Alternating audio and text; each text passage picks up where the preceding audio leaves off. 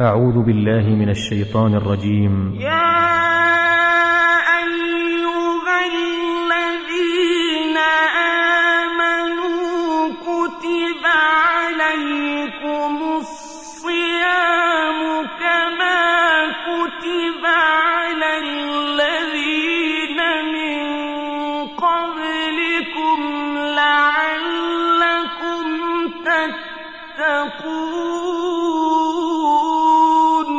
يسر مؤسسة صدى التقوى للإنتاج الإعلامي والتوزيع بالرياض أن تقدم لكم هذه المادة بعنوان الصيام فضائله وأحكامه. لفضيلة الشيخ صالح بن فوزان الفوزان. الحمد لله رب العالمين صلى الله وسلم على عبده ورسوله نبينا محمد وعلى آله وأصحابه أجمعين.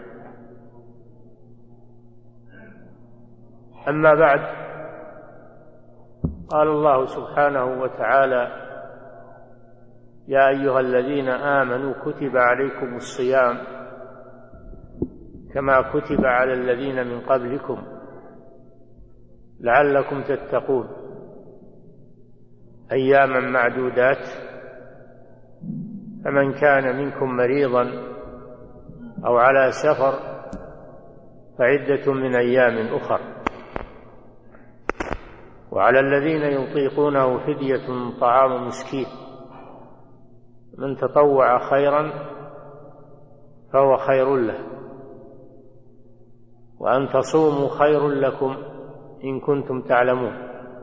شهر رمضان الذي أنزل فيه القرآن هدى للناس وبينات من الهدى والفرقان. فمن شهد منكم الشهر فليصمه. ومن كان مريضا أو على سفر فعدة من أيام أخر يريد الله بكم اليسر ولا يريد بكم العسر ولتكملوا العدة ولتكبروا الله على ما هداكم ولعلكم تشكرون. قوله تعالى يا أيها الذين آمنوا هذا نداء من الله جل وعلا. لعباده المؤمنين. لأن المؤمنين هم الذين يمتثلون أوامر الله سبحانه ويتركون ما نهاهم عنه. وإلا فالعبادة واجبة على جميع الخلق. كما قال تعالى وما خلقت الجن والإنس إلا ليعبدون. يا أيها الناس اعبدوا ربكم الذي خلقكم والذين من قبلكم لعلكم تتقون. فالعبادة واجبة على جميع الخلق وهي حق الله جل وعلا على عباده. لكن المؤمنون امتثلوا أمر الله فعبدوا الله سبحانه وتعالى فلذلك ناداهم الله في هذه الآية. قال يا أيها الذين آمنوا والإيمان شرط في صحة الأعمال وقبولها فالأعمال التي بدون إيمان لا تنفع وهي هباء منثور. فلا فالإيمان هو الأساس.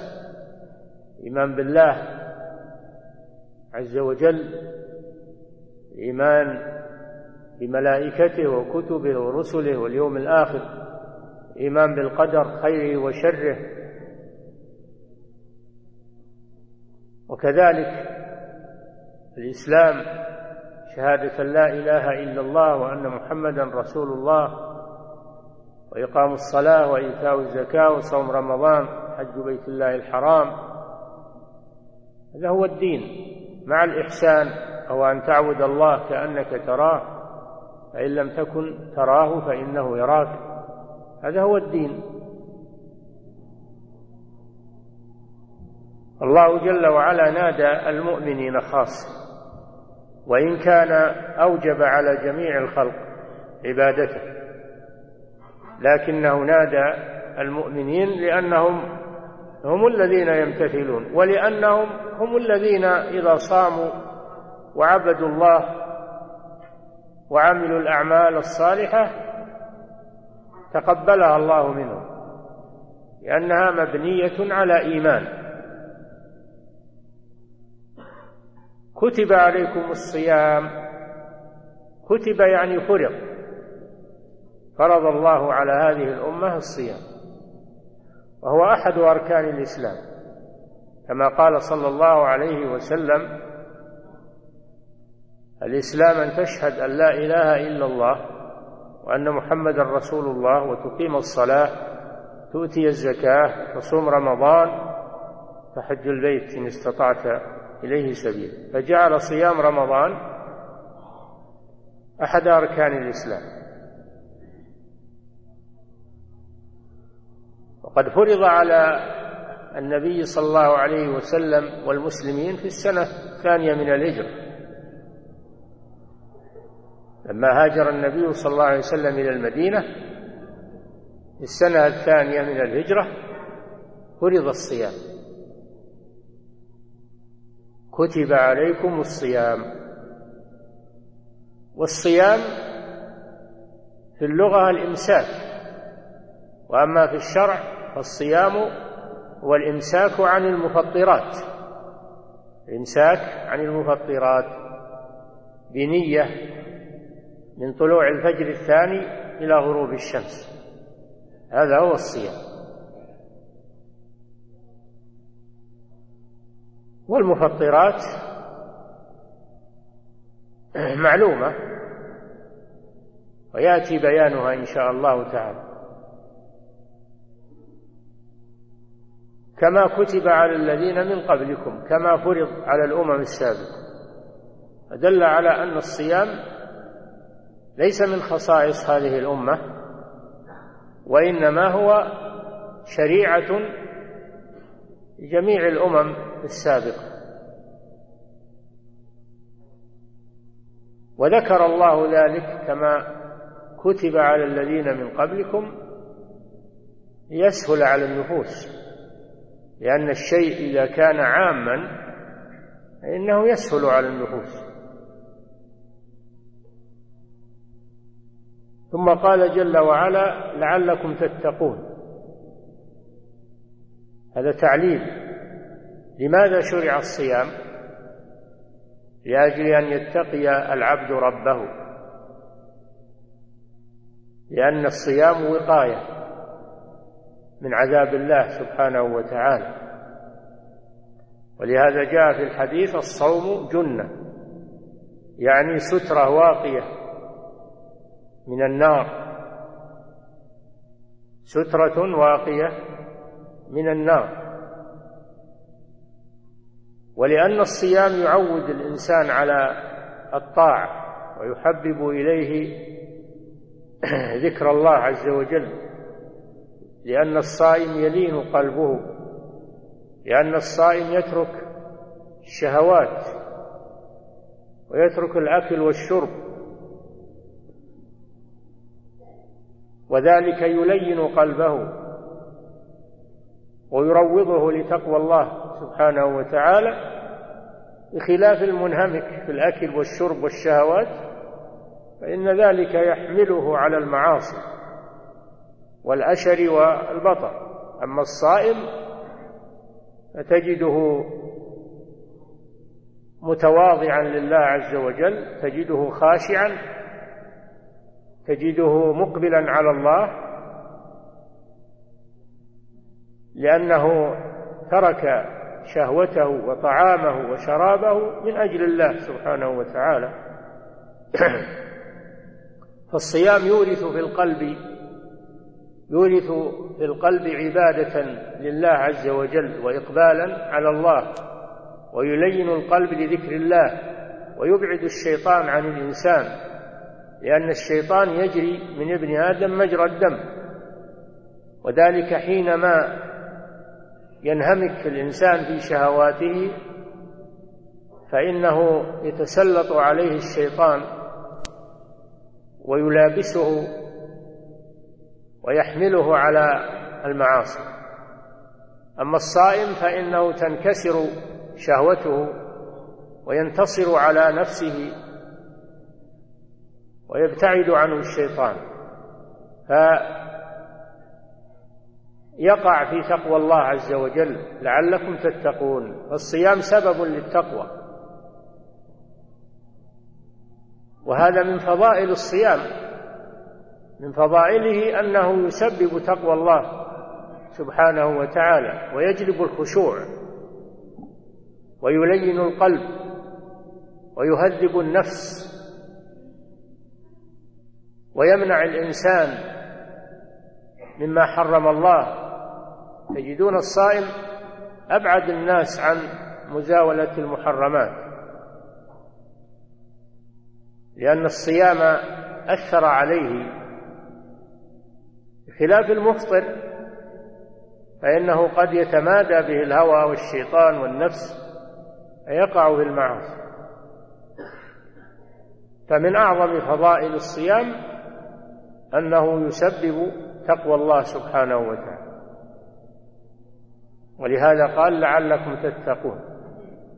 أي شرع الله الصيام لكم لعلكم تتقون الله بفعل الطاعات وترك المحرمات تقرب إلى الله جل وعلا. ثم قال جل وعلا أياما معدودات. اختلف العلماء في معنى هذه الأيام المعدودات. ما المراد بها؟ بعضهم يقول كان الصيام في الأول ثلاثة أيام. ثلاثة أيام تخفيفا على الناس تدرجا بهم. فلما ألفوها ألف الصيام نقلهم الله إلى صيام شهر رمضان. باب التدريج. قال بعدها شهر رمضان فيكون قوله شهر رمضان ناسخا لقوله أياما معدودات. أيام معدودات هذا في أول الأمر في أول ما فرض الصيام. ثم لما ألفوه نقلهم الله إلى صيام شهر رمضان. وهذا من باب التخفيف عليهم والتدرج بهم لأن الصيام مما يشق على النفوس. فلو فرض عليهم شهر رمضان من أول وهلة لشق ذلك عليهم وصعب عليهم. هذا من حكمة الله أنه أول ما شرع أياما معدودة. وقيل المراد بقوله أياما معدودات هو شهر رمضان. فيكون قوله تعالى شهر رمضان مفسرا لقوله تعالى أياما معدودات وليس ناسخا والله أعلم. من كان منكم مريضا أو على سفر فعدة من أيام أخرى. من حضره الصيام وهو مسافر سفرا تقصر فيه الصلاة إنه يفطر. له أن يفطر وله أن يصوم ولكن إفطاره أفضل. تسهيلا عليه لأن المسافر تلحقه مشقة والسفر قطعة من العذاب. فلو كلف بالصيام وهو مسافر شق ذلك عليه. فمن رحمة الله أنه رخص للمسافر أن يفطر. ثم يقضي هذه الأيام التي أفطرها من أيام أخرى. من كان منكم مريضا أو على سفر السفر عرفناه. المريض المراد به المرض الذي يلحق بترك بالصيام معه مشقة. المراد بالمرض المرض الذي يلحق الإنسان معه مشقة إذا صام فلا تجتمع عليه مشقة المرض ومشقة الصيام. خفف الله عنه. بأن رخص له أن يفطر لمرضه ثم يصوم من أيام أخرى. أما إذا كان المرض يسيرا وعاديا مثل وجع الضرس الصداع الأشياء العادية التي وطأتها خفيفة على الإنسان أو إنها لا تستمر هذه لا تبيح الإفطار. إنما المرض الذي يشق على الإنسان معه الصيام هذا هو المبيح للإفطار. فعدة أي تصومون عدة من أيام أخر بعدد الأيام التي أفطرتم. ويسمى هذا بالقضاء. والصوم في شهر رمضان يسمى أداء. ثم قال وعلى الذين يطيقونه فدية. هذا فيه قولان لأهل العلم.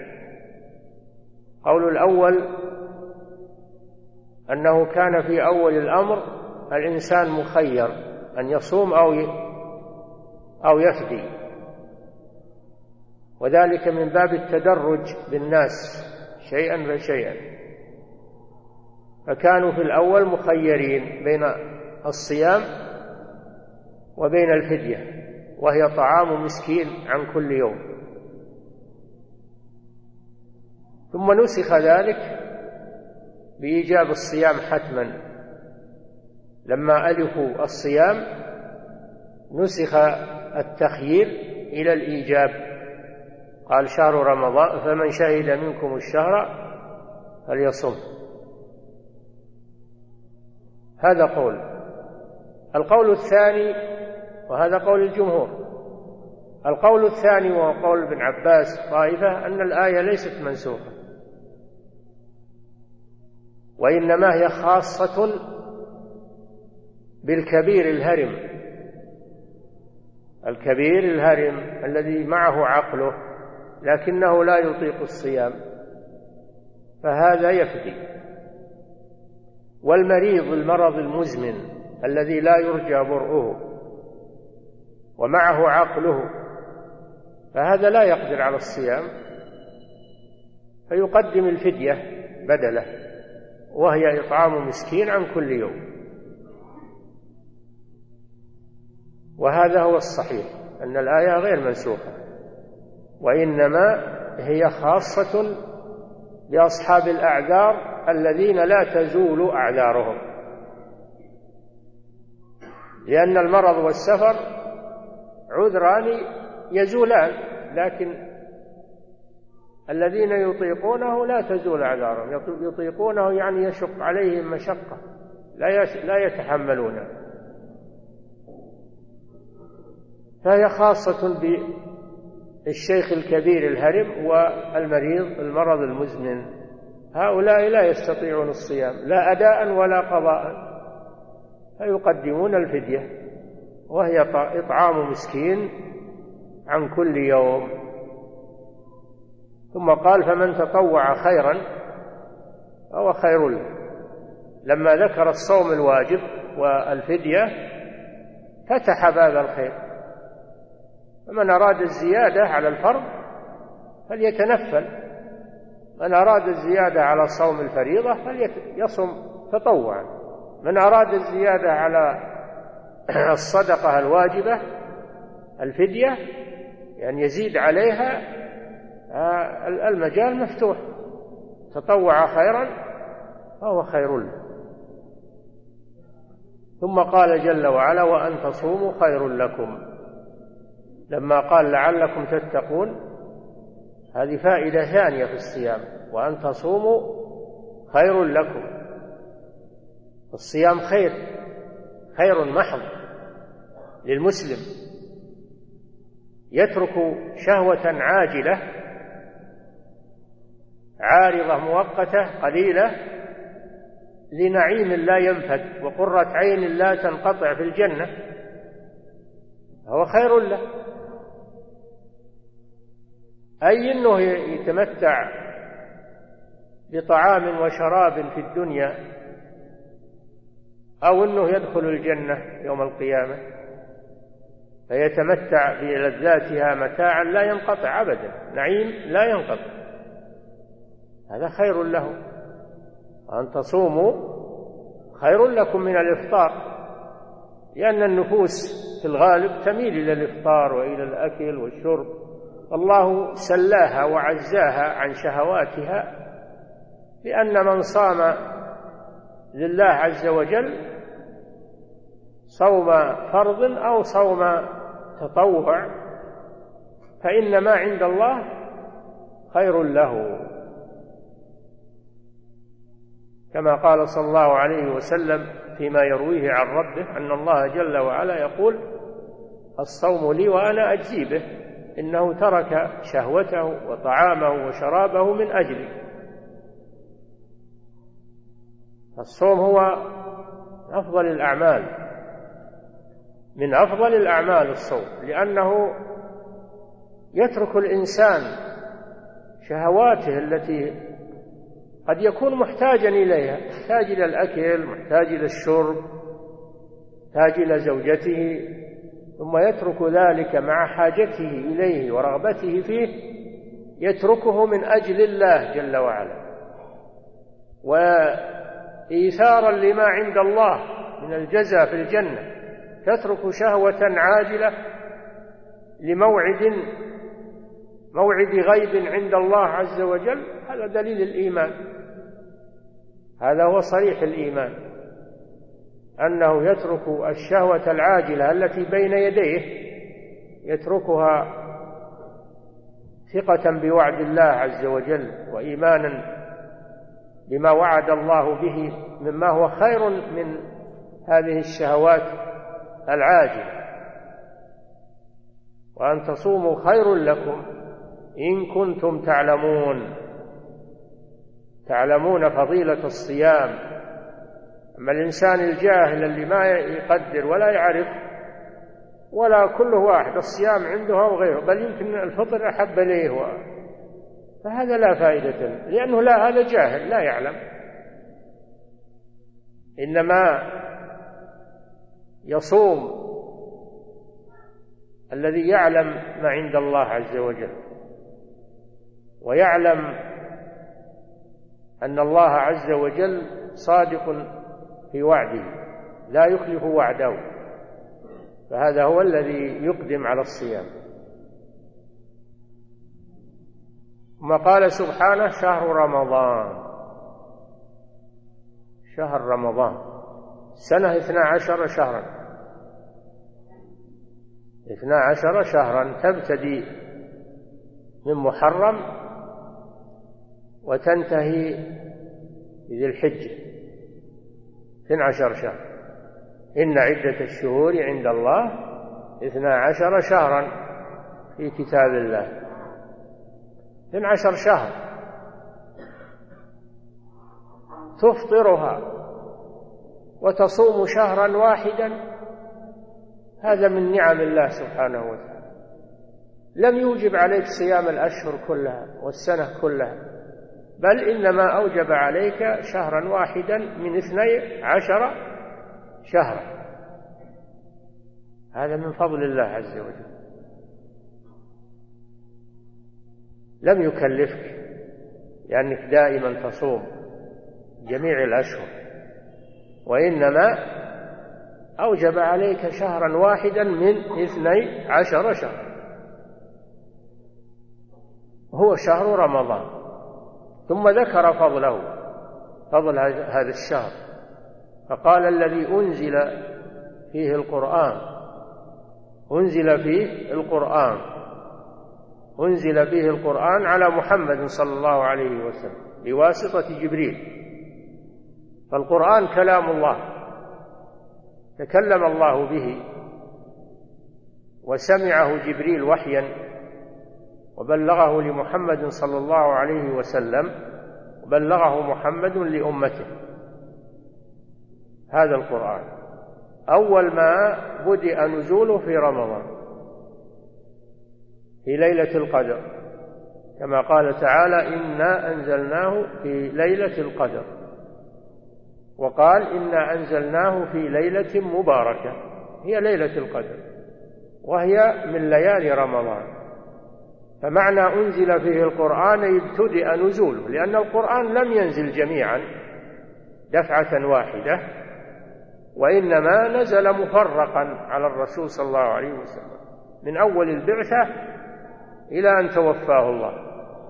والقرآن ينزل عليه وما توفي رسول الله صلى الله عليه وسلم إلا بعد أن تكامل القرآن وتكامل الإسلام. اليوم أكملت لكم دينكم.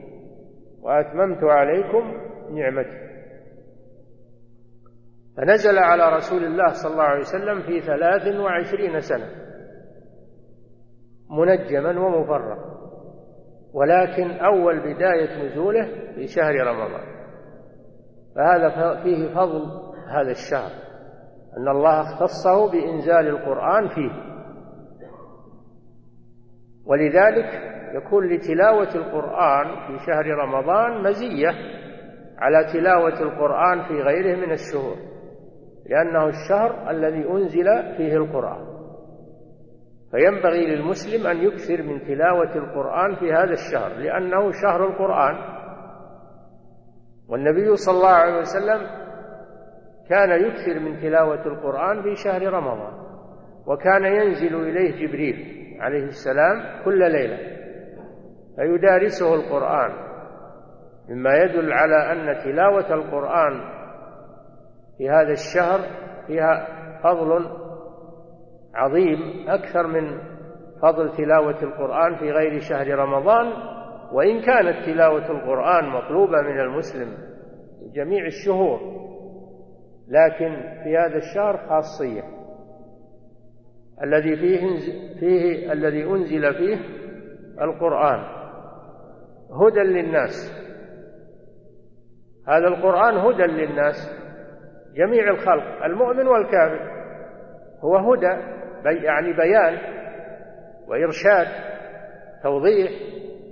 فهو هدى لجميع الناس لأن الله بين لهم وأرشدهم في هذا القرآن. لكن من الناس من آمن به وانتفع به فصار حجة له ومن الناس من أعرض عنه ولم يقبله فصار حجة عليه قامت عليه الحجة.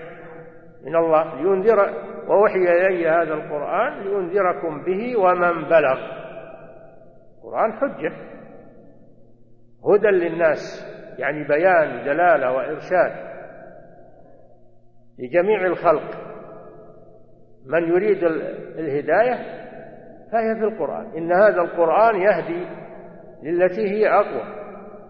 ويبشر المؤمنين الذين يعملون الصالحات أن لهم أجرا عظيما أن لهم أجرا كريما وأن الذين لا يؤمنون بالآخرة اعتدنا لهم عذابا أليما.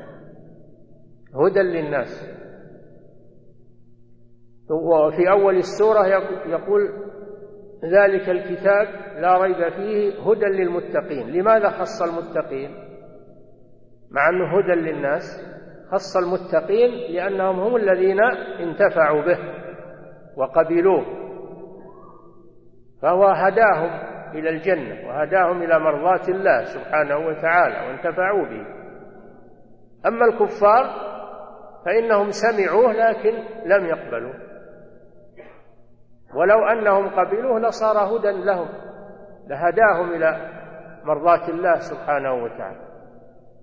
فالقرآن في حد ذاته هداية لجميع الناس ولكن هذه الهداية لم يقبلها إلا المتق المتقين. هدى للمتقين هدى للناس وبينات من الهدى والفرقان. يفرق بين الحق والباطل. القرآن فرقان. تبارك الذي نزل الفرقان على عبده. الفرقان هو القرآن. يسمى قرآنا ويسمى فرقانا ويسمى ذكرا ويسمى تنزيلا. له أسمى كثيرة. فهو فرقان بمعنى أنه يفرق بين الحق والباطل والهدى والضلال. ثم عطف على الشهر شهر رمضان. فمن شهد منكم الشهر أي شهر؟ شهر رمضان المذكور في أول الآية. فأل في الشهر للعهد الذكري أي الشهر المذكور في أول الآية. من شهد منكم الشهر أي شهر رمضان فليصمه هذا وجوب. هذا وجوب. أن من حضر معنى شهد يعني حضر. حضر دخول الشهر على الأمة. فإنه يلزمه الصيام. إلا أصحاب الأعذار. إن كان مريضا أو على سفر. مثل ما في الآية التي قبلها. فعدة من أيام أخرى. فالصحيح المقيم يلزمه الصيام. وأما المسافر أو المريض فيفطران ويقضيان من أيام أخرى. هذه رخصة من الله عز وجل تيسير على عباده. لكن مع التزام الصيام يفطر وخلاص ولا يصوم؟ لا. لا بد أنه يصوم. فمن كان مريضا أو على سفر فعدة من أيام أخرى. وهو القضاء. ثم بين الحكمة في كونه سبحانه رخص للمريض والمسافر. ما هي الحكمة؟ يريد الله بكم اليسر. هذه الحكمة. يريد الله بكم اليسر. ولا يريد بكم العسر. لأن الصيام مع السفر مع المرض هذا فيه عسر. والله جل وعلا لا يريد العسر على عباده ولا يريد لهم الحرج. ما جعل عليكم في الدين من حرج. يريد الله بكم اليسر حيث شرع لكم الإفطار في السفر والمرض ولا يريد بكم العسر حيث لم يوجب عليكم أن تصوموا وأنتم مرضى أو وأنتم مسافرون. ولتكملوا العدة. هذه حكمة أخرى من أجل يعني شرع أوجب عليكم القضاء من أجل أن تكملوا العدة عدة رمضان التي أفطرتموها لأنه لو لم يقضي ما كملت العدة عدة الشهر. فالله أوجب القضاء لأجل إكمال عدة الشهر حتى يكون الإنسان صام شهر رمضان. وأدى ركنا من أركان الإسلام ولتكملوا العدة ولتكبروا الله على ما هداكم. يعني بعد إكمال العدة عدة رمضان يشرع التكبير في ليلة العيد وعند الخروج إلى المصلى وفي مصلى العيد يكثر المسلمون التكبير هذا شعار المسلمين في عيد الفطر. ولتكبروا الله على ما هداكم ولعلكم تشكرون. هذه حكمة ثالثة. لعلكم تشكرون الله على هذه النعمة وهذا التيسير وهذا التشريع السهل الحكيم الذي يتماشى مع أحوالكم ولا يكلفكم شططا. هذا تشريع من حكيم حميد رؤوف بالعباد رحيم بالعباد. فاشكروا الله على هذه النعمة. حيث جمع لكم بين الصيام والإفطار للعذر. بين الصيام لغير المعذور والإفطار للمعذور. وأنه يقضي وأن هذا القضاء يعوض ما أفطره. يعوض ما أفطره فلا يفوت عليه شيء. إذا قضى ما فات عليه شيء وتكامل الأجر في حقه كأنه صام في رمضان. يحصل على أجر من صام في رمضان. وهذا فضل من الله. يستوجب الشكر على العباد. فصوم رمضان فرض على المسلمين. ويشترط لصيام لوجوب يشترط لوجوب صيام رمضان الإسلام. فلا يصح الصيام وجميع الأعمال من كافر.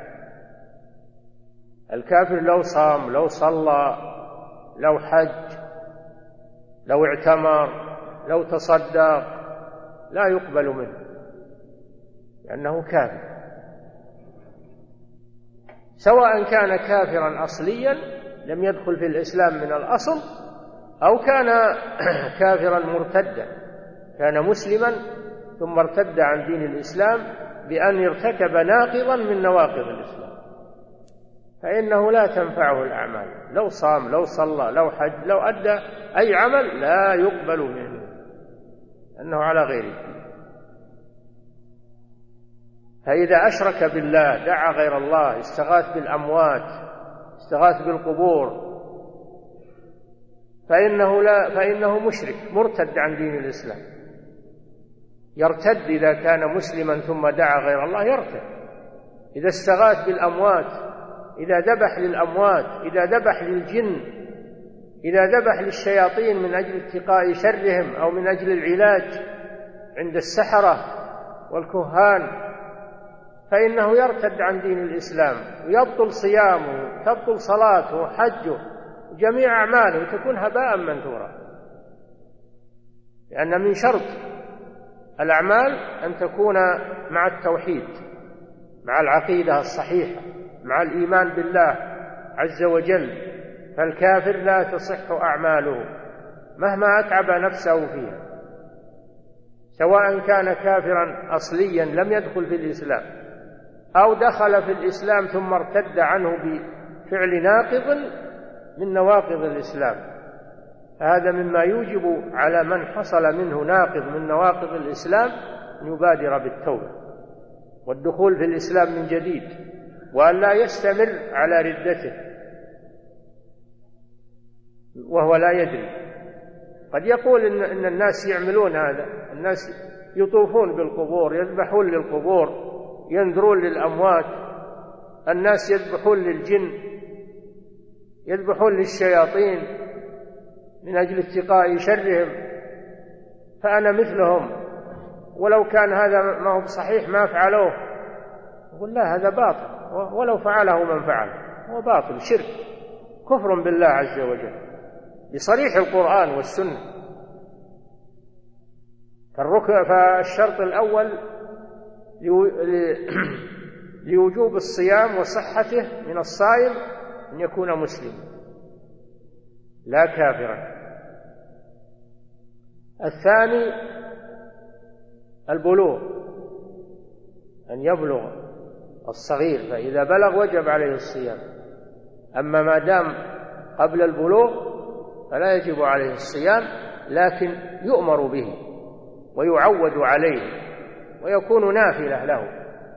كان الصحابة يصومون صبيانهم ويعودونهم على طاعة الله كما أنه يؤمر بالصلاة. قوله صلى الله عليه وسلم مروا أولادكم بالصلاة. وهم أبناء سبع سنين سبع سنين. كثير من الناس يقول هذا يقول أبو عشر يقول هذا صغير ما عليه ما عليه صلاة ولا عليه شيء يخليه يهمله. لا الواجب على الوالد أنه يربي ولده على العبادة على الصلاة على الصيام على ذكر الله على تلاوة القرآن يربيه على هذا ويربيه على الابتعاد عن المحرمات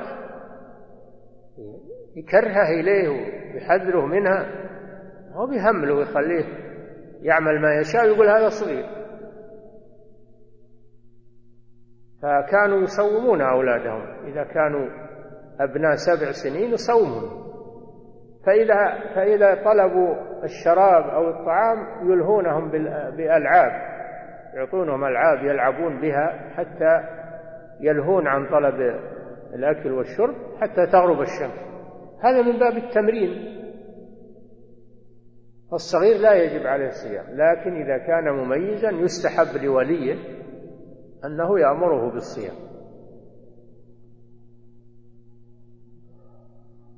الشرط الثالث أن يكون عاقلا. البالغ يكون عاقلا. فإن بلغ وهو مجنون أو معتوه ليس عنده عقل هذا لا يجب عليه الصيام ولو كان بالغا.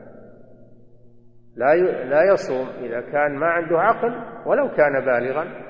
لا يجب عليه شيء لا صيام ولا غير ولا صلاة ولا غير لأن هذه الأمور تتبع العقل. ما دام العقل غير موجود فلا فلا تكاليف على المجنون والمعتوه فاقد العقل. قوله صلى الله عليه وسلم رفع القلم عن ثلاثة. المجنون حتى يفيق الصغير حتى يحتلم والنايم حتى يستيقظ. أن هؤلاء فاقدون للعقل فإذا تكاملت هذه الشروط صار الشخص مسلما بالغا عاقلا فإنه يجب عليه الصيام صيام شهر رمضان أداء إن كان حاضرا صحيحا أو قضاء إن كان مريضا أو مسافرا. أما إن كان لا يستطيع الصيام لا أداء ولا قضاء لكبره أو لمرضه المزمن فهذا سبق في الآيات السابقة أنه يفتي عن كل يوم طعام مسكين مقدار نصف الصاع عن كل يوم ويكفي هذا عن الصيام. هذه الآيات ذكر الله جل وعلا فيها وجوب الصيام على هذه الأمة وعلى الأمم السابقة. وبين سبحانه ما هي الأيام التي تصام وأنه شهر رمضان. وبين سبحانه الأعذار المبيحة للإفطار وهي وهي أربعة. وهي أربعة. الكبر والخرف أو المريض المرض المزمن أو المريض المرض غير المزمن الذي لا الذي لا يستطيع معه الصيام أو السفر. هذه الأعذار الأربعة. اثنان منها يوجب الفدية فقط. وهما الكبير الهرم والمريض المرض المزمن. هذا يجب عليه الفدية. أما المريض غير المزمن والمسافر فهذان يسقط عنهما وجوب صوم الأداء ويفطران لكن يكون عليهما صوم القضاء فعدة من أيام أخرى. وبين الله في هذه الآيات فوائد الصيام وحكمة وما فيه من المنافع. الصيام كما ذكرنا أنه هو الإمساك عن المفطرات. الإمساك عن المفطرات مع وجود النية لأن الصيام بدون نية لا يصح. حتى لو ما أكل ولا شرب ولا تناول شيء إذا كان ما نوى الصيام ما ما يصير صيام. قوله صلى الله عليه وسلم إنما الأعمال بالنيات وإنما لكل امرئ ما نوى. وقال صلى الله عليه وسلم لا صيام لمن لم يجمع النية من الليل. لا بد من وجود النية تجنب المفطرات. بنية من طلوع الفجر الثاني إلى غروب الشمس.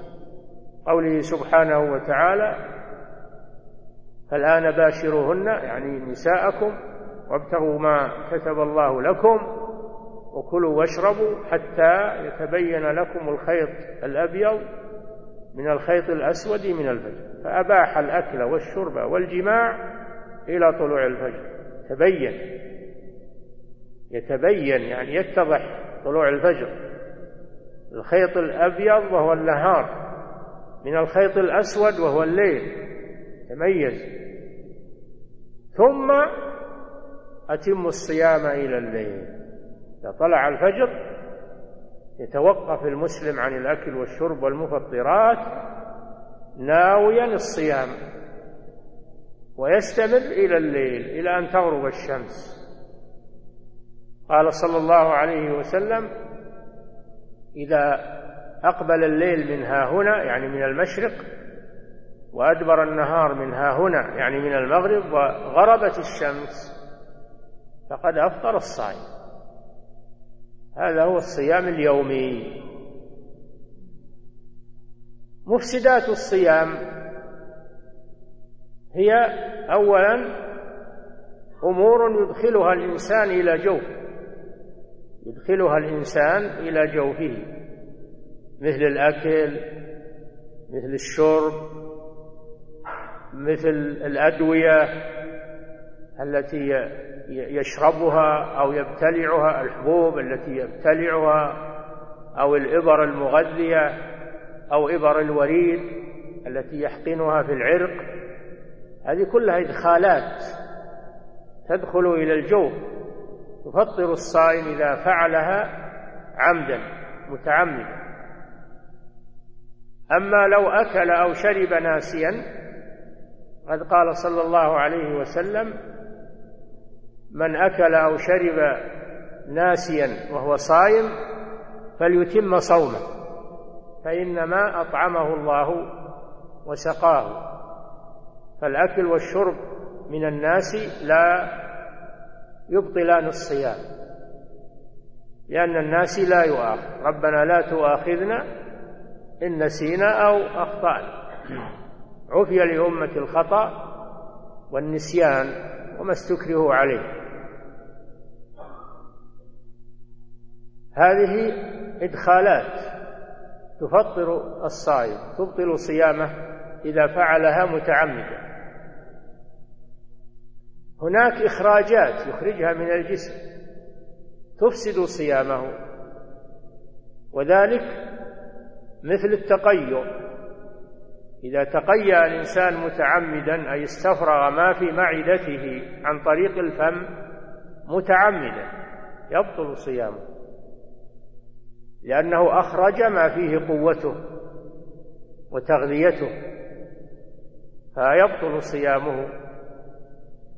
أما من غلبه القيء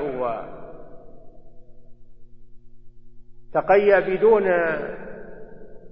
اختياره إنما غلبه القيء ونزل غير اختياره هذا لا يضر. هذا لا يضر لأنه بغير اختياره وبغير تعمده. هذا واحد. ثانيا الدم. إذا استخرج دما كثيرا من جسمه إما بحجامة وإما بسحب وإما بفصد العرق فإذا أخرج الدم من جسمه كثيرا فإنه يبطل صيامه لأنه أخرج ما فيه قوته. فلا يستطيع أنه يصومه ما فيه دم. فيبطل صيامه. لقوله صلى الله عليه وسلم في الذي يحتجم وهو صايم يقول عليه الصلاة والسلام أفطر الحاجم والمحجوم. أفطر الحاجم الذي يسحب الدم بمشرطه وآلته والمحجوم الذي يسحب منه الدم. الذي يسحب منه الدم يفطر لأنه أخرج الدم الذي في جسمه. وأما الحاجم فلأنه يمص القرن أو الآلة فيطير شيء من الدم إلى حلق فيفطر بذلك. هذا وجه قوله صلى الله عليه وسلم أفطر الحاجم والمحجوم. ومثل الحجامة ما كان بمعناها من سحب الدم للإسعاف أو للتبرع به أو لغير ذلك من الأغراض فإنه يفسد صيامه لأنه أخرج من جسمه ما يقويه. وهو الدم. أما لو انجرح الإنسان وخرج منه دم كثير هذا لا يؤثر لأنه بغير اختياره لو خلع ضرسا يؤلمه وهو صائم وخرج منه دم لا يضر بشرط أنه يلفظ يلفظ الدم ما يبتلعه.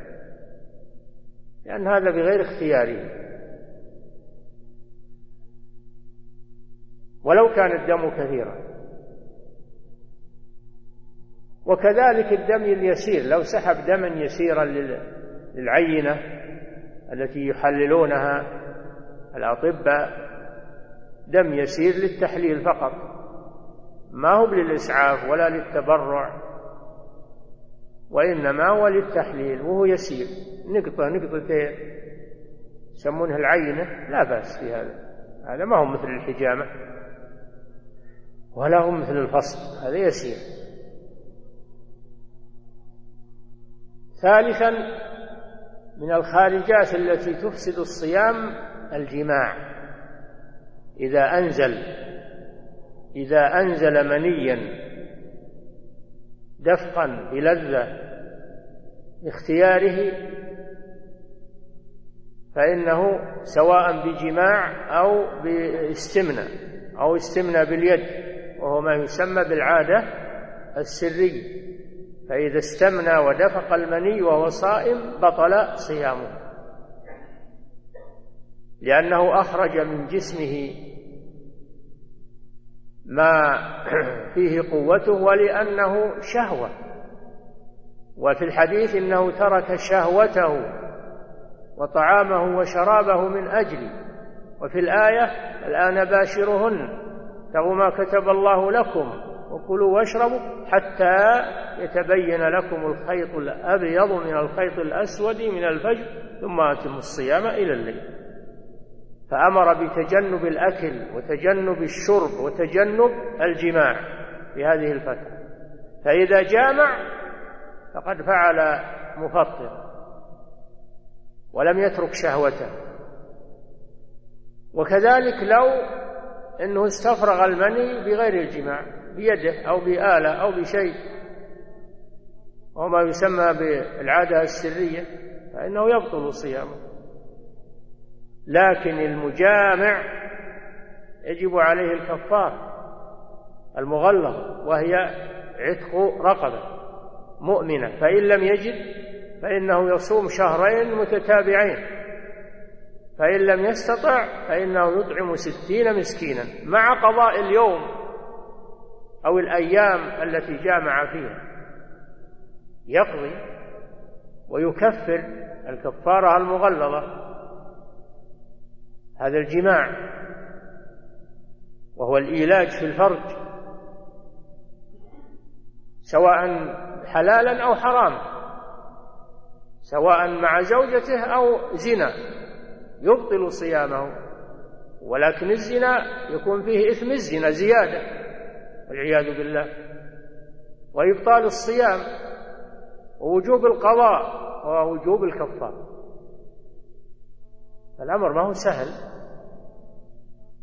أما من أخرج المني بغير الجماع فهذا يقضي اليوم فقط وليس عليه كفارة لأن الكفارة خاصة بالجماع في نهار رمضان. أما الاستمناء أو العادة السرية هذه تفسد الصيام.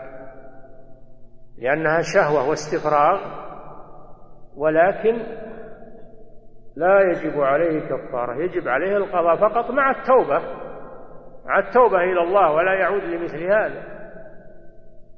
رابعا الحيض والنفاس من المرأة المرأة إذا صامت وما أصابها الحيض أو أصابها النفاس صار الدم ينزف منها فإنه يفسد صيامه. ولا يصح منها ولا يجوز لها أن تصوم وهي حائض أو نفس بل تفطر وجوبا وتقضي عدد الأيام التي حاضت فيها وأفطرت أو التي نفست فيها وأفطرت تقضي عدد الأيام. هذه جملة المفطرات ومفسدات الصوم. وعلى المسلم أنه يحافظ على صيامه ويتقي الله عز وجل ولا يكفي أنه يترك هذه المفطرات فقط بل يترك كل ما حرم الله من النظر الحرام كالنظر إلى النساء والنظر إلى الصور الماجنة والنظر إلى ما تبثه آه، المحطات الماجنة من الصور والعري. لا يجوز للصائم انه يجلس عند هذه الآلة الخبيثة ويطالع ما ينشر فيها من خلاعات ومجون.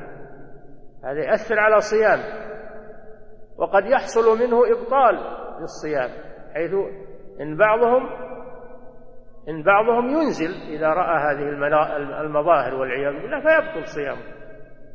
وإن لم ينزل حصل عليه الإثم ونقص أجر صيامه. كذلك استماع الغيبة والنميمة والشتم وقول الزور يصون سمعه والأغاني والمزامير يصون سمعه عن هذه الأمور. يصون لسانه أيضا عن الكذب والشتم والسباب وشهادات الزور والأيمان الكاذبة. ولا وش الفائدة من صيامه؟ من لم يدع قول الزور والعمل به والجهل فليس لله حاجة في أن يدع طعامه وشرابه. نسأل الله العفو والعافية ونسأله أن يبلغنا وإياكم والمسلمين شهر رمضان وأن يعيننا فيه على الصيام والقيام وأن يتقبل منا ومنكم جميع الأعمال الصالحة وأن يعفو عنا وعنكم وجميع المسلمين عما نقصر فيه. صلى الله وسلم على نبينا محمد وعلى آله وأصحابه أجمعين. شكر الله الشيخ على ما قدم وجعله في موزين حسناته.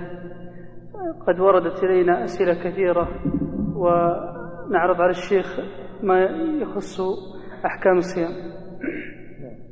فضيلة الشيخ حفظه الله إذا كان علي نذر صيام شهر وصمت بعضه قبل رمضان فهل أكمله قبل ست من شوال أم في أي وقت؟ صيام النذر إن أمكنك تصومه قبل رمضان تصومه. إن دخل عليك شهر رمضان فإنك تصوم رمضان فإذا انتهى تأتي بالنذر. لأن النذر واجب والست هذه سنة فتبادر بأداء الواجب. إيه، لأن النذر واجب. يقدم أداء الواجب على أداء السنة. فإن بقي من شوال شيء يعني ستة أيام بقيت من شوال صوم الست نعم. إذا لم أختم قراءة القرآن قبل رمضان فهل أبدأ من جديد مع بداية رمضان أم أكمل ختمه ثم أبدأ من جديد؟ نعم. إذا لم أختم قراءة القرآن قبل رمضان فهل أبدأ من جديد مع بداية رمضان أم أكمل ختمه ثم أبدأ من جديد؟ لا أكمل أكمل القرآن ثم إذا أكملته تبدأ من جديد. أما إذا أنك ما أكملته وتترك باقيه وتبدأ من جديد بعد كل رمضان لا, لا ما هو طيب. أكمل القرآن ثم ثم بعد ذلك تبدأ من جديد. نعم. فضيلة الشيخ حفظه الله ورد في الحديث فضل صيام يومي الاثنين والخميس فهل لقراءة القرآن والصدقة وبقية الأعمال الصالحة مزية في, في هذين اليومين وهل نقول وهل نقول لمن تعمد قراءة القرآن والصدقة في هذين اليومين أنه قد وقع في البدعة؟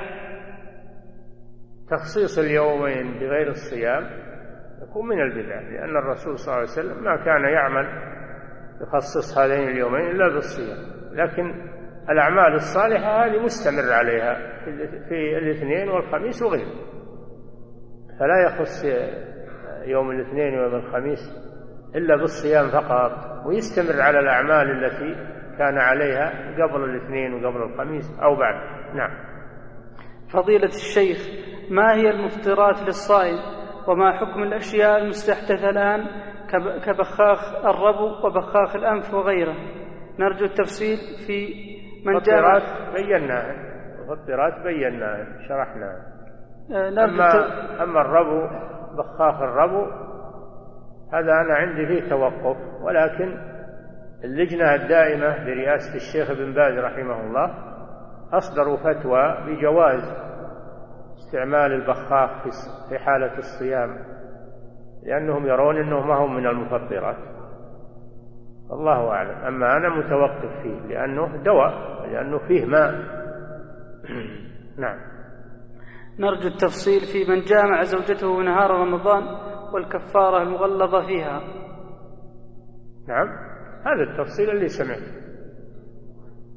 يعتق رقبة مؤمنة فإن لم يجد يصوم شهرين متتابعين فإن لم يستطع فإنه يطعم ستين مسكين كفارة الظهار. نعم. ما حكم من يصومون ويتساهلون في ترك الصلاة مع الجماعة أو تركها حتى يخرج وقتها وهل ينفعهم صيامهم؟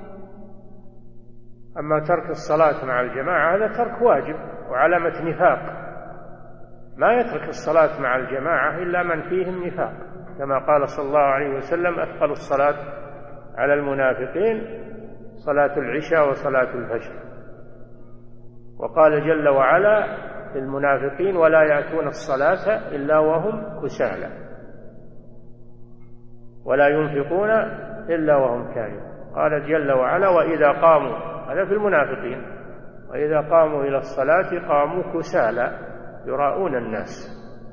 فهذا ترك لواجب عظيم ويأثم الإنسان عليه وينقص ثواب صيامه ينقص ثواب صيامه لكن لا يبطل الصيام. الصيام صحيح إذا أداه على الوجه المطلوب صحيح لكن ينقص ثوابه بهذه المعصية. أما من تعمد إخراج الصلاة عن وقتها فهذا يخشى عليه من الردة لأنه ولو صلى صلاته غير معتبرة. إذا أخرج الصلاة عن وقتها ولو صلى بعد الوقت صلاته غير صحيحة وغير معتبرة. هذا تارك للصلاة. قوله تعالى إن الصلاة كانت على المؤمنين كتابا موقوتا محدد ما هو اللي يتصرف الله هو اللي وضع لك هذا الوقت. لا تخرجها عنه بغير بغير عذر شرعي. فمن أخرجها عن وقتها بغير عذر شرعي عليه التوبة إلى الله عز وجل. وحافظ على الصلاة. النبي صلى الله عليه وسلم ما ذكر القضاء للصلاة إلا في حق من نام أو نسي. قال صلى الله عليه وسلم من نسي صلاة أو نام عنها فليصليها إذا ذكر. أما اللي تعمد الرسول ما قال أنه يقضي الخطر شديد جدا. لا يجوز التهاون في هذا الأمر. نعم. ما هي أحكام صلاة القيام والتراويح خلال هذا الشهر المبارك؟ وما هو ضابط الإطالة والتقصير في الصلاة؟ صلاة القيام آه، الصلاة في رمضان سواء في أول الليل أو في آخره كلها تسمى قيام.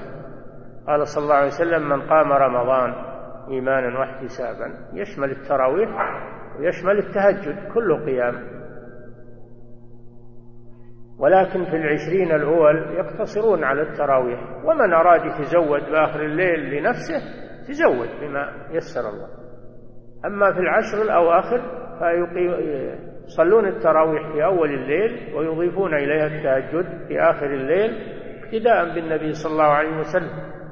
فإنه كان يحيي ليالي العشر. إذا دخلت العشر شمر وشد المئزر وأحيا ليله وأيقظ أهله. يجمعون في العشر الأواخر بين صلاة أول الليل تراويح وصلاة آخر الليل بالتهجد. اقتداء بالنبي صلى الله عليه وسلم. التطويل إن كان إماما فإنه يتوسط بين التخفيف المخل وبين التطويل الممل. توسط الإمام يتوسط. ما يطيل ولا يخفف تخفيفا مخلا. توسط ويرفق بالجماعة. قال صلى الله عليه وسلم أيكم أي أما الناس فليخفف فإن فيهم الكبير والضعيف وذا الحاجة. وإذا صلى لنفسه فليطول ما شاء. فالإمام يراعي أحوال المأمومين. لا يطيل عليهم ولا يخفف بهم تخفيفا يخل. أما اللي يصلي لحاله يصلي لنفسه هذا يطيل ما شاء. كان النبي صلى الله عليه وسلم إذا قام من الليل يطيل القيام لأنه يصلي منفرد ما يصلي مع أحد. يطيل القيام عليه الصلاة والسلام حتى تفطرت قدماه من طول القيام. قرأ في ركعتين خمسة أجزاء وزيادة قرأ البقرة وآل عمران والنساء في ركعتين. من يطيق هذا؟ في ركعتين خمسة أجزاء وزيادة. لكن الرسول صلى الله عليه وسلم له خاصية. لكن نحن نقتدي بحسب الإمكان.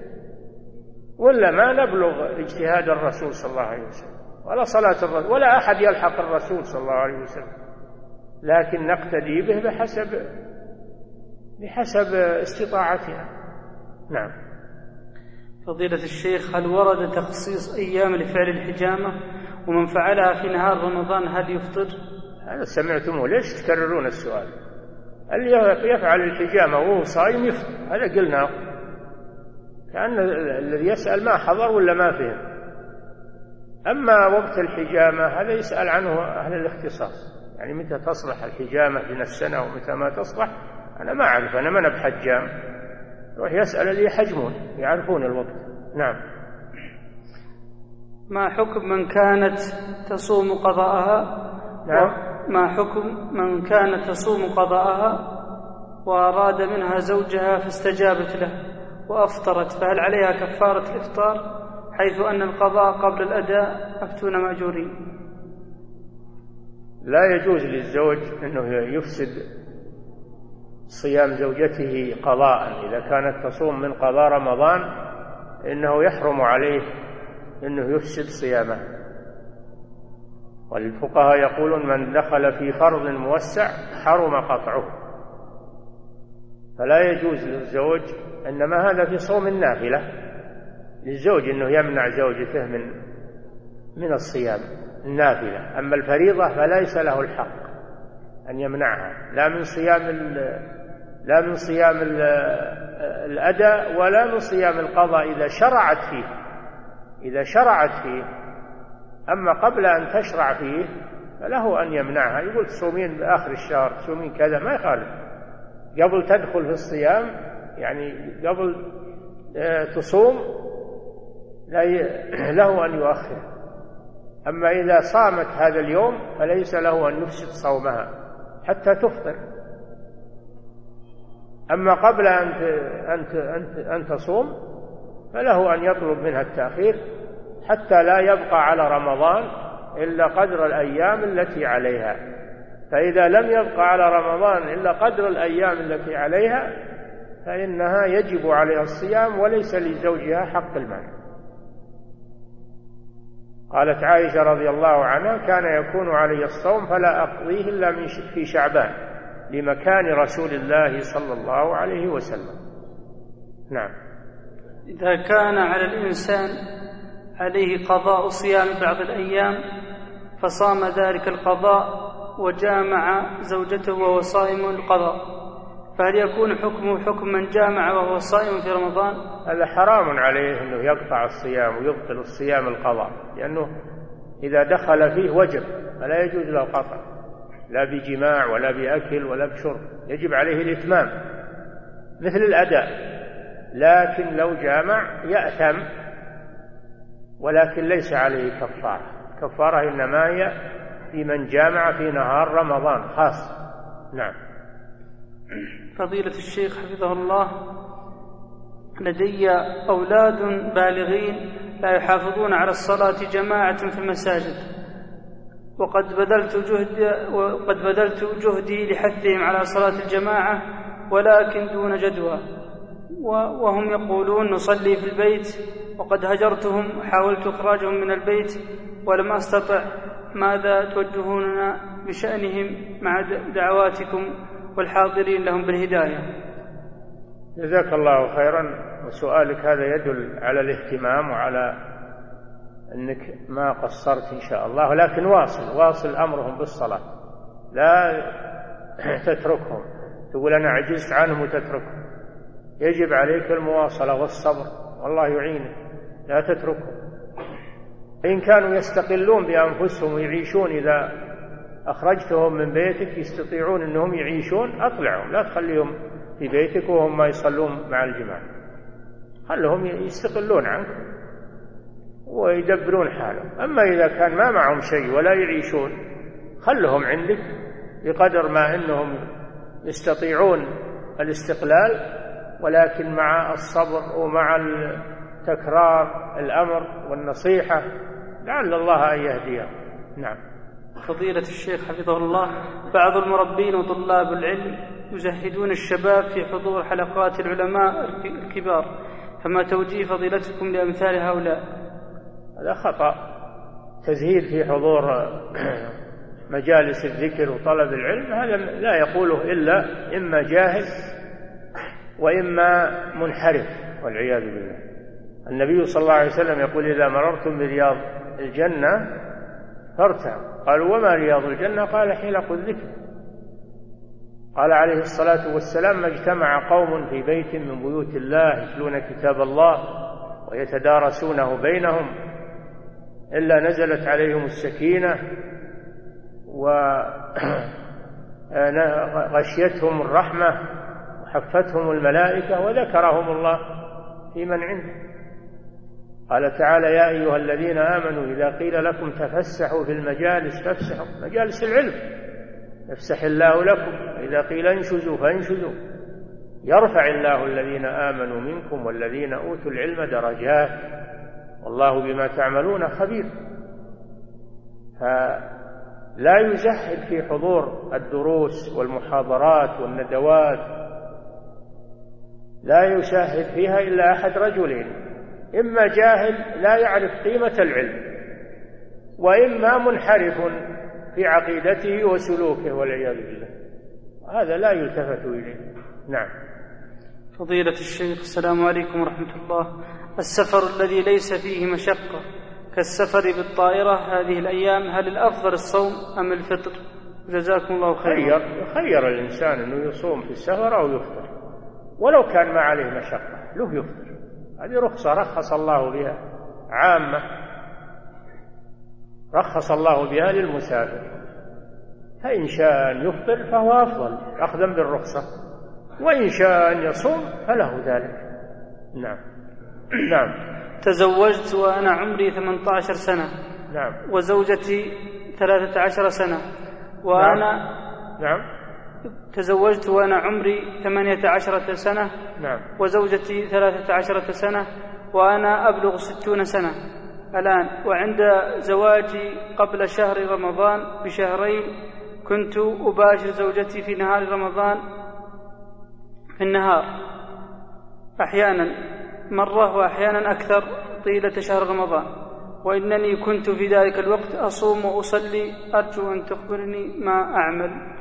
إن كان قصده بمباشرة الجماع هو يلزمه ما ذكرنا عن كل يوم جامع فيه يلزمه القضاء ويلزمه التوبة إلى الله ويلزمه الكفارة المغلظة وهي عتق رقبة فإن لم يجد فإنه يصوم شهرين متتابعين فإن لم يستطع فإنه يطعم ستين مسكينا عن كل يوم جامع فيه في رمضان.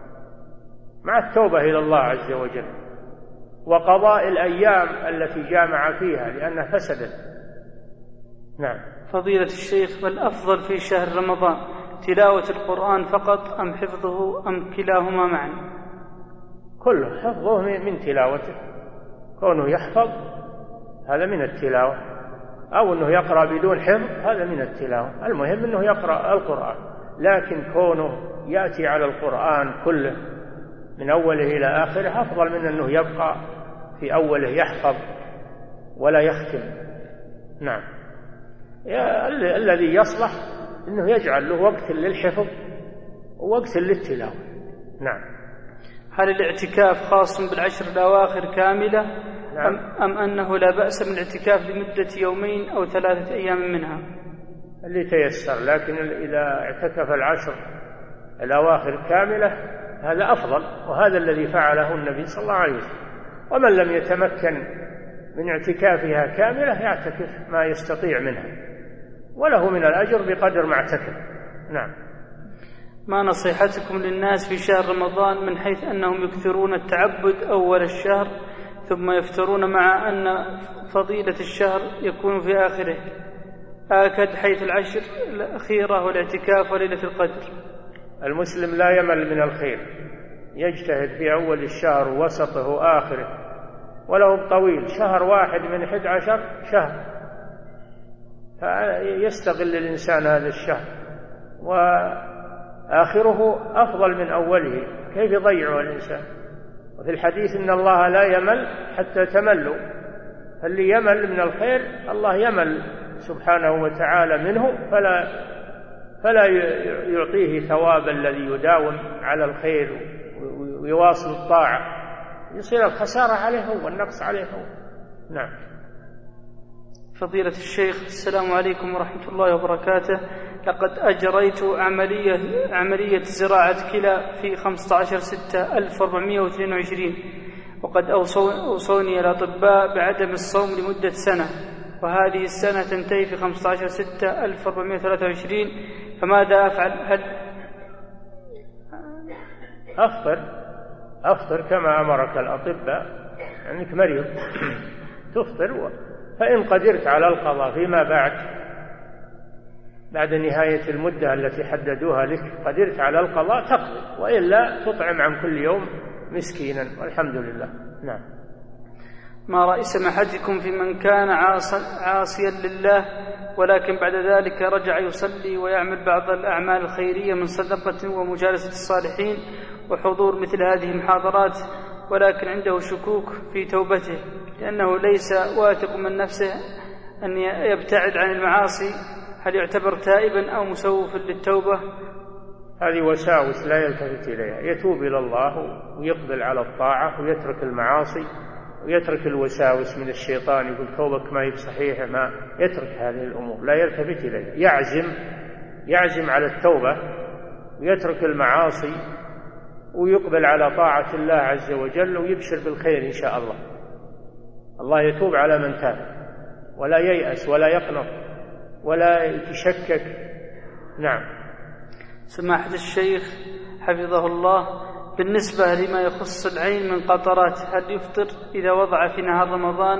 لضرورة.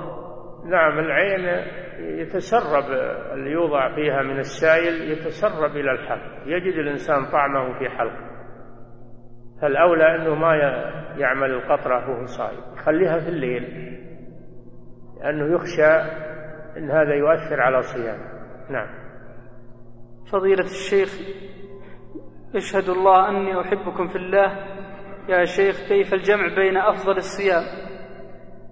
وهو صيام يوم وافطار يوم. وبين أقوال العلم في النهي عن صيام يوم الجمعة منفردا وكذلك يوم السبت حيث قال بعضهم عن صيامهما أنه ي...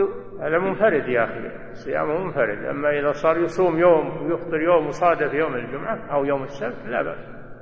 لأنه ما ما خص يوم الجمعة ولا يوم السبت وإنما هذه عادته يصوم يوم ويفطر يوم. فإذا صادف يوم السبت أو يوم الجمعة يوم صيامه فلا يكره هذا لأنه تابع لغيره. نعم. رجل استمنى بيده وهو صائم في رمضان وقد مضى على ذلك عامين فما هو الواجب عليه؟ جزاكم الله خيرا. الواجب عليه أنه يقضي هذا اليوم. مع التوبة إلى الله عز وجل. ولا يعود لمثل هذا. نعم. يا شيخ ما حكم من وجد نفسه محتلما في نهار رمضان؟ هل يعيد صيامه؟ وهل عليه فدية؟ وهل عليه إثم؟ وأيضا ماذا عن المدي ما عليه شيء. اللي يحتلم ويخرج منه مني بالاحتلام ما عليه إلا الاغتسال فقط. وصومه صحيح لأن هذا بغير اختياره. بغير اختياره. وأما المذي خروج المذي لا يبطل الصيام. نعم. لكن عليه يتجنب الأشياء المثيرة لأنه يخشى أنه يخرج منها ما يبطل صيامه من المني. نعم. فيتجنب الأشياء المثيرة من الأشياء المنظورة أو المسموعة أو أو الأشياء التي تثير عليه الشهوة. نعم. أثناء رمضان قمت بمداعبة زوجتي وأثناء المداعبة حسست بشهوة فأمسكت نفسي وتراجعت هل على هل علي من شيء؟ وإذا كان هذا الفعل هذا الفعل أفطر أفطرني فهل علي من صيام أو قضاء؟ إن كان خرج منك شهوة تقضي. إن كان خرج منك شهوة وأنزلت دفقت منيا تقضي. أما إذا ما خرج منك شيء فلا صومك صحيح. ولكن عليك أنك تتجنب مداعبة الزوجة ما دامت شهوة تثور. تجنب هذا لا تداعبها نعم. ما حكم رفع اليدين عند الدعاء في خطبة الجمعة؟ ما يجوز هذا إلا في الاستسقاء. إذا استسقى الإمام في خطبة الجمعة يرفع يديه ويرفع الحاضرون أيديهم ويؤمنون على دعائه. أما في غير الدعاء في الاستسقاء لخطبة الجمعة فلا ترفع الأيدي لا من الإمام ولا من لا من الخطيب ولا من الحاضر. نعم. ما حكم تشبيك الأصابع عند انتظار الصلاة؟ عند؟ عند انتظار الصلاة. مكره يكره تشبيك الأصابع عند انتظار الصلاة أو في أثناء الصلاة. هذا يكره. لأن النبي صلى الله عليه وسلم رأى رجلا آه، مشبكا لأصابعه وهو ينتظر الصلاة ففرق صلى الله عليه وسلم بين أصابعه.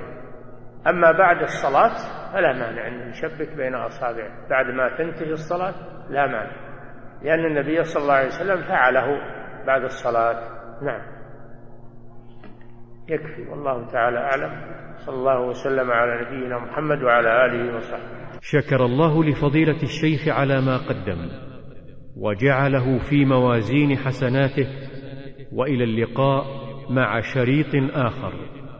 وتقبلوا تحيات إخوانكم في مؤسسة صدى التقوى للإنتاج بالرياض وتسجيلات التقوى الإسلامية. والسلام عليكم ورحمة الله وبركاته. بموجب فهرس تسجيلات التقوى فإن رقم هذا الشريط هو 14415